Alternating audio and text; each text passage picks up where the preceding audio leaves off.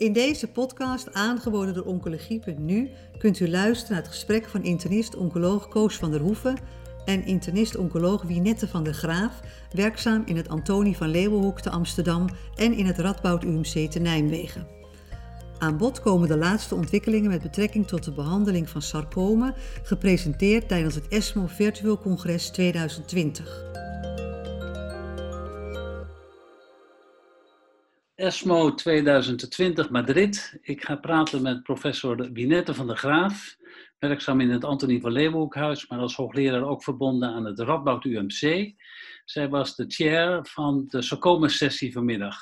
Het was allemaal virtueel, maar was jij in Madrid, Binette? Eh, Welkom. nee hoor, ik was gewoon thuis in, uh, in Amsterdam. Ja, maar ik voelde me wel een beetje in Madrid met al die bekenden op, de, op het scherm. Oké, nou er, er, was één sessie over sarcoma die helemaal aan sarcoma gewijd was. We zien uh, tijdens het congres dat er heel veel over immunotherapie gesproken wordt, maar immunotherapie is eigenlijk een behandeling die bij sarcoma nog niet veel wordt toegepast. Een beginvraag die ik toch nog wil stellen. Een aantal sprekers die zeiden, die sarcoma dat zijn 150 zeldzame tumoren, maar uh, misschien dat jij wil zeggen, hebben ze ook iets gemeen, al die tumoren? Uh, nou, dat is een goede vraag. Ik denk dat ze gemeen hebben dat ze allemaal niet zo gevoelig zijn voor immunotherapie, om dat maar eens te zeggen. Nee, ik denk dat het allerlastigste is, of het nou 150 zijn of 100 of hoe, hoeveel ook. Het zijn er ontzettend veel. De histologie onder de, onder de microscoop is erg divers. Um, maar zelfs binnen um, de subtypes zien we nu met alle genetica die er is ook nog weer verdere subtypering. Wat enerzijds prachtig is, aan de andere kant maakt het je helemaal een beetje. Uh, nou ja, in ieder geval, um, het geeft je nog meer te denken over hoe ingewikkeld het is om studies te doen bij sarcoma.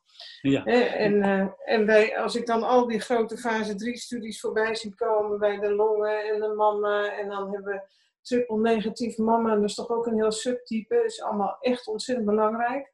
Maar het zijn nog altijd echt heel veel grotere aantallen dan bij de sarcoom. Ja, dan lukt het makkelijk om honderden patiënten bij elkaar te krijgen. Ja. Er waren twee voordrachten over immunotherapie bij sarcoma. En de eerste ging over pembrolizumab. Zou je daar iets over toe willen lichten waar deze studie over ging en wat de uitkomsten zijn? Ja, dat was uh, de AXE-Pembro-studie. Dat is ook weer van de Frans sarcoma groep, altijd een erg actieve groep. En die uh, hebben met name gekeken naar de activiteit van pembrolizumab uh, bij uh, hele zeldzame sarcomen. En ehm, daar hebben ze dan de progression-free rate op day 84, zijn ze, dus ongeveer 12 weken genomen. En ja, daar hebben ze een heel scala uiteraard aan, aan zeldzame sarcomen. Dat was ook de bedoeling. De grootste groep was de alveolar soft part sarcoma en de um, um, groep. En dan hadden ze nog uh, desmoplastic small round cell en de SMARC-A4 negatieve tumoren. En dan 32 andere. Dus je kunt je voorstellen, die andere dat zijn dan allemaal NS1 of zo. En, um, en die studie die liet zien een, een responskans van uh, of een progression-free uh, survival. Um, die, die, nou ja ik, ja, ik denk wat moet je daarmee? Die was 7,9 maanden. Uh, maar degene bij wie je zag dat het um, enig effect had, dat zijn tumoren die over het algemeen al niet zo ontzettend hard groeien. en, uh, en dat geldt met name voor ESPS. Ehm, ja, dat is niet zo'n ontzettend harde groeier. En dat was ook iets wat Jean Yves zelf zei. Um, dat het ontzettend lastig is om te zeggen van wat doet het nou? Aan de andere kant, we hebben ook nooit geweten dat er respons op immunotherapie bij deze tumortypes überhaupt mogelijk zijn. Dus dat vond, vond ik wel echt het interessante ervan. Het lastige is dat ze gekeken hadden naar allerlei soorten factoren die een relatie zouden kunnen hebben met respons. Um, en geen daarvan um, ja, had enige relatie. Dus daar moet, um, ja, zeg maar, het is interessant, maar we weten nog zo weinig van dat het ook lastig is hoe nu verder. Deze resultaten waren niet van die aard dat je nu tegen patiënten zou moeten zeggen dat ze ergens moeten gaan zoeken naar pembrolizumab voor deze indicatie. Nee. Nee, ik denk daarvoor was het uh, voor de overal toch, uh, deed het eigenlijk te weinig. Ja. Ja. En, en bovendien, er zijn natuurlijk ook wel gedachten dat je dit misschien eh, echt moet combineren met eh, bijvoorbeeld de middelen.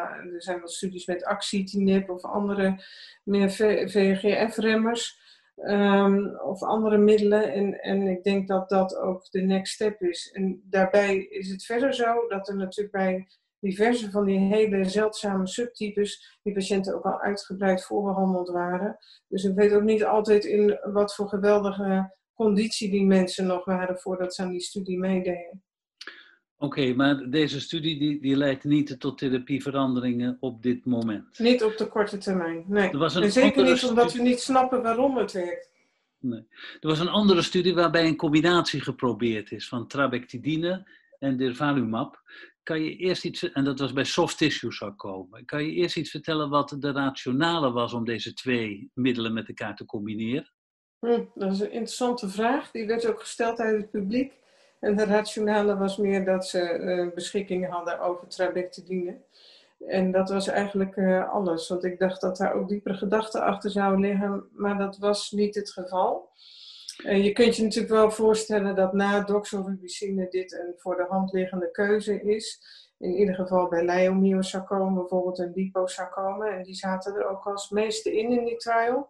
Het was een fase um, 1, fase 2 studie. En klopt, in het, ja. de studie waren ook patiënten met een ovariumcarcinoom meegenomen, omdat die ook wel eens trabectidine in het behandeltraject krijgen. Ja. ja maar en wat waren de uitslagen? Ja, nou wat, je- wat je zag was er toch, ehm, als ik het heel globaal mag zien, vond ik er vrij veel toxiciteit. Eh, met name ook hepatotoxiciteit. Ehm, er was ook ehm, sprake van cardiotoxiciteit. En er waren twee toxische doden aan febrile neutropenie. Ze hebben nadat ze de fase 1, daar kwamen ze uit op een trabectidine doos van 1,2 milligram per vierkante meter. Ehm, en toen hebben ze het cohort voor de WKD daar uitgebreid en daar eh, rapporteerden ze vandaag over. Ehm, als je dan kijkt wat daar dan het resultaat van was, was een, eh, een mediane progressievrije survival van 2,3 maanden en een, eh, een progressievrije eh, percentage op 6 maanden van 28% Dus dat is nou niet dat ik dacht van, jongen, ehm, dit is de grote doorbraak. En wat ik wel, ehm, nou ja, dat, dat werd ook gevraagd aan de, aan de presentator um, uh, Motu Monde uit, eh, uit Bordeaux.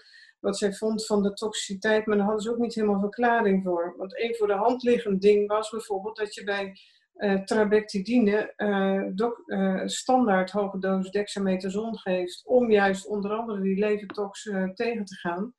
Ehm, en ehm, ze zei dat ze wel dexamethason had gegeven. Dus daar was in ieder geval niet de oorzaak van.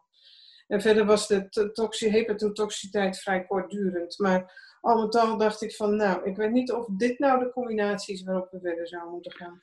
Het valt op als je deze studies over de immunotherapie eh, bekijkt en je vergelijkt ze met andere eh, studies bij solide tumoren, dat hier vaak gesproken wordt over progressievrije overleving in weken, terwijl het elders over maanden gaat. En dat een, een, een uitkomstmaat soms ook al is het aantal patiënten dat nog op therapie staat na een aantal maanden. Mhm. Dus als ik dat nou allemaal eh, bij elkaar optel, of wat is jouw conclusie dan van deze immunotherapie die nu gepresenteerd is? Nou, ik denk eh, zeker de eerste studie bij die zeldzame sarcomen, dat dat echt alweer, ja, weet je, het, het is, je moet eigenlijk studies gewoon eigenlijk altijd randomiseren. Dat is het eerste. Want je weet, je zit toch tegen een heel verschillend biologisch eh, gedrag van, een, van diverse tumoren aan te kijken. En, ehm, ehm, en dan kun je goede studies doen. En, en je hebt gewoon, weet je, zolang wij niet exact snappen wat het, wat, hoe het nu werkt, is het heel lastig hoe je nu verder moet gaan. Hoe kun je nou een industrie overtuigen als je zegt, ja, er was ook een van de vijf die deed ook wel wat op immunotherapie. Dat is lastig. Dus ik denk dat het met name in de combinaties zit om dat verder uit te diepen. Eh, en daar zijn ook diverse studies wel naar. Ook bijvoorbeeld met de combinatie eh, die nu loopt in, in Sloan Kettering met CDK4-6-remmers. Ik, ik denk dat eh, in, in, in tumoren waar je ook verwacht dat dat zinnig kan zijn, dat zijn meer de, de richtingen die je op zou willen gaan. Maar dat Ik is nog wel een klus en, en dat is ook wel aardig, want dat, dat komt ook overal uit dat we echt goede eindpunten moeten hebben en dat we die ook moeten stroomlijnen. Want al die studies vandaag hadden weer net een beetje een ander eindpunt. En dat maakt het zo ingewikkeld. Ja. Ik wilde met jou goed vinden overstappen op een ander onderwerp. En dat gaat over de, de Ewing-sarcomen. Ewing-sarcomen die in het bot uh, hun origine hadden. Daar waren twee studies over mogelijk nieuwe therapie. En de eerste, dat was een studie met de regorafenib. Wat, uh, wat werd daarover meegedeeld? Ja, dat is een, een studie, de, de Rego-boom heet die. Dat is een overlappende studie. Daar zijn al eerder de uh, groepen uh, osteosarcoom en, en chondrosarcoom uh, gerapporteerd. En nu ging het dus over Ewing-sarcoom. Um, ja, wat ze hier uh, zagen was ook weer een mediane progressie. Dit was trouwens gerandomiseerd, hè, gerandomiseerde fase 2 tegen placebo. Wat ze zagen was een mediane progressievrije overleving van uh, 11 weken in de groep die uh, kreeg en 4 weken bij de placebo. Als je kijkt naar de overall survival percentage op 12 maanden, dan is dat precies hetzelfde. Is dat 39. Um, dus um, ja, het, het, geeft wel weer een tijdje um, winst hè, in progressie. Maar dat had ook wel een prijs. En dat gaf ze ook wel toe. Uh, want je zag echt uh, graad 3 uh, eh, tox kwam in, in twee derde van de patiënten voor. Met onder andere ook graad 3 tox als diarree. Nou, dat is natuurlijk toch wel sociaal invaliderend. Um, dus op, ba op, basis van deze studie um, is het idee om een vervolg te doen met, um, uh, met in ieder geval een lagere dosis. Dus op regorafenib niet op 160, maar op 120 milligram te vervolgen. Ja, ja en de, ze wilden... Sorry. De winst in weken was eigenlijk heel beperkt, hè? Het komt niet ja, van twee maanden. Nou, het, is iets, het was iets meer hier hoor. Maar um, uh, uiteindelijk was het, uh, ja, de, de, de mediane progressievrije survival, no, nogmaals, was 11 weken versus 4 weken. Ja. Maar het gaat over weken en ik vind het ook allemaal inderdaad niet ontzettend, uh, ja, nou ja. Het is niet dat je zegt, god, dat is Dat is niet de doorbraak. Nee. Dan was er een, een studie met een, een, heel nieuw middel. Dat was ook een, een, fase 1, fase 2 studie. Met een, ja, dat had nog een naam, TK216. En dat was een, remmer van ETS. Dat ETS, kan je daar nog iets over zeggen? Want dat zou speciaal bij Ewing zou komen voorkomen. Ja, ETS is een, eh, een transcriptiefamilie van uh, die met name in Ewings heel hoog is. Is gelinkt aan de aan het fusieproteïne, uh, aan uh, de fusie. Uh, dus zowel de Jung-sarcoom fly 1 als de Jung-sarcoom erg en andere. En dat is een middel wat al heel lang in nou ja, zeg maar de prekliniek heeft gezworven. En nu dus in die fase 1 is gekomen. En dat is, ehm, ja, die, die resultaten waren wel echt indrukwekkend. Um, dus hebben die fase 1 dus naar een fase 2 uitgebreid. En, um, um, en ze hebben ook nog een deel van de patiënten um, in ieder geval uh, gekeken of dat ook met vincristine bijvoorbeeld te combineren is. Ja, dit is een, een druk waarvan je zegt, je, je, dit heeft echt een rationale, hè? je snapt wat je aan het doen bent. en het liet echt uh, al heel vroeg activiteit zien. Er waren een paar responders, twee zelfs complete remissies. Eentje daarvan was uh, chirurgisch trouwens. Maar uh, ja, dat waren wel indrukwekkende resultaten. Ik kreeg ook van een collega uit Duitsland nog een, uh, een appje van tevoren dat dat echt een heel mooi middel is. Vijf stabiele ziektes en uh, in totaal dan 47% disease control rate. Wat voor uh, zeg maar een groep patiënten die al uitgebreid voorbehandeld is met chemotherapie natuurlijk toch wel echt een mooi resultaat is. Het is echt dus precision is... medicine, hè? want het is echt gericht ja. tegen iets wat specifiek bij deze tumor voorkomt. Ja, komt niet alleen bij deze tumor voor. Hè? Ook bij prostaten zie je dit bijvoorbeeld wel. En andere tumortypes. Maar het is echt een heel mooi middel. En uh, het enige nadeel daarvan is dat je het als een 14 dagen continu infuus moet geven. En dat is natuurlijk toch iets minder aangenaam dan uh, een tablet. En ja. daar zijn ze nu uh, mee bezig om te kijken of er ook een orale formulering kan komen. Maar er waren twee patiënten met een complete respons, die echt uh, meer dan een jaar, dacht ik, uh, voortduurde. Of in ieder geval ja. heel lang. Ja. Ja. Ja. ja. Dus dit is een middel dat verder onderzocht zal worden en dat misschien wel betekenis gaat hebben. Ja. Waren er nog andere uh, voordrachten die voor wat jou betreft van belang waren op het gebied van sarcoma? Nou, er waren een aantal mini-orals, um, waarbij denk ik um, één onderwerp um, belangrijk was. En dat waren een aantal ja, meer retrospectieve of meta-analyse-achtige studies, waarbij er gekeken wordt van zijn die eindpunten van die studies nu wel echt goed in de verschillende subtypes. We hebben natuurlijk heel lang uh, studies gedaan waarbij alles bij elkaar geveegd werd aan het subtypes WKD-sarcomen. En, um, ja, naar de, en, en daar lopen we nu op vast. Er zijn allemaal negatieve fase 3 studies en we realiseren ons dat dit ook zo niet meer moet. Uh, maar als je studies wil doen in subtypes heb je A, aantallen nodig, dus dat moet je internationaal doen. En B, moet je dan echt up-to-date getallen hebben van wat zijn nu eigenlijk uh, ja, de, de standaard response rates of progressievrije overlevingen bij de verschillende subtypes. En um, er waren twee, um, in de mini-orals twee uh, studies waarbij ze gekeken hebben naar uh, nieuwe eindpunten voor therapie van liposarcoom en activiteit van DOX en INFOS in de combinatie. En de andere keek uh, bij leiomyosarcoom. En dat is wel echt nuttig, want dat zijn eigenlijk twee hele grote subgroepen binnen de sarcomen, waar we ook echt wel studies voor zouden willen doen. Ja. Nou, en, en verder waren er natuurlijk uh, up-to-date uh, data van de, uh, van de GIS-studies, de avapritinib en de repritinib. de ene bij de PDGFR B842-mutanten, de avapritinib, en de andere bij, in vierde lijn. En ja, je ziet gewoon dat dat echt... We hebben gewoon twee middelen erbij. Ik hoop dat ze gauw geregistreerd gaan worden. Dan kunnen we daar in Nederland ook echt wat aan hebben. Daar hebben patiënten ook wat aan. Ja. ja. Nou, en tenslotte, en dat is ook nog een beetje een vreemde eend in de bijt, uh, was er een studie waar uh, vijf centra in Nederland aan meegedaan hebben en twee uh, in Engeland, een holistic studie. En dat is een hele, heeft een hele andere aard en daar hebben we gekeken naar kwaliteit van leven. Bij patiënten die starten met um, um, een eerste lijn standaardbehandeling voor een WKD-sarcoom dat gemetastaseerd is. We hebben gekeken naar van wat, wat verwachten patiënten van die behandeling. Uh, wat vinden ze belangrijk uh, van die behandeling? Kwaliteit van leven of lengte van leven? En dat is de ene vraag. En de andere was van hoe willen ze eigenlijk bij die beslissing uh, betrokken worden?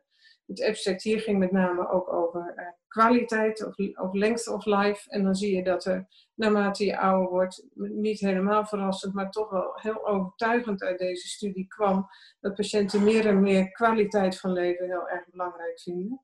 En aan de andere kant dat allegenen die jong waren, um, dus onder de 40 jaar, allemaal louter gingen voor lengte van leven.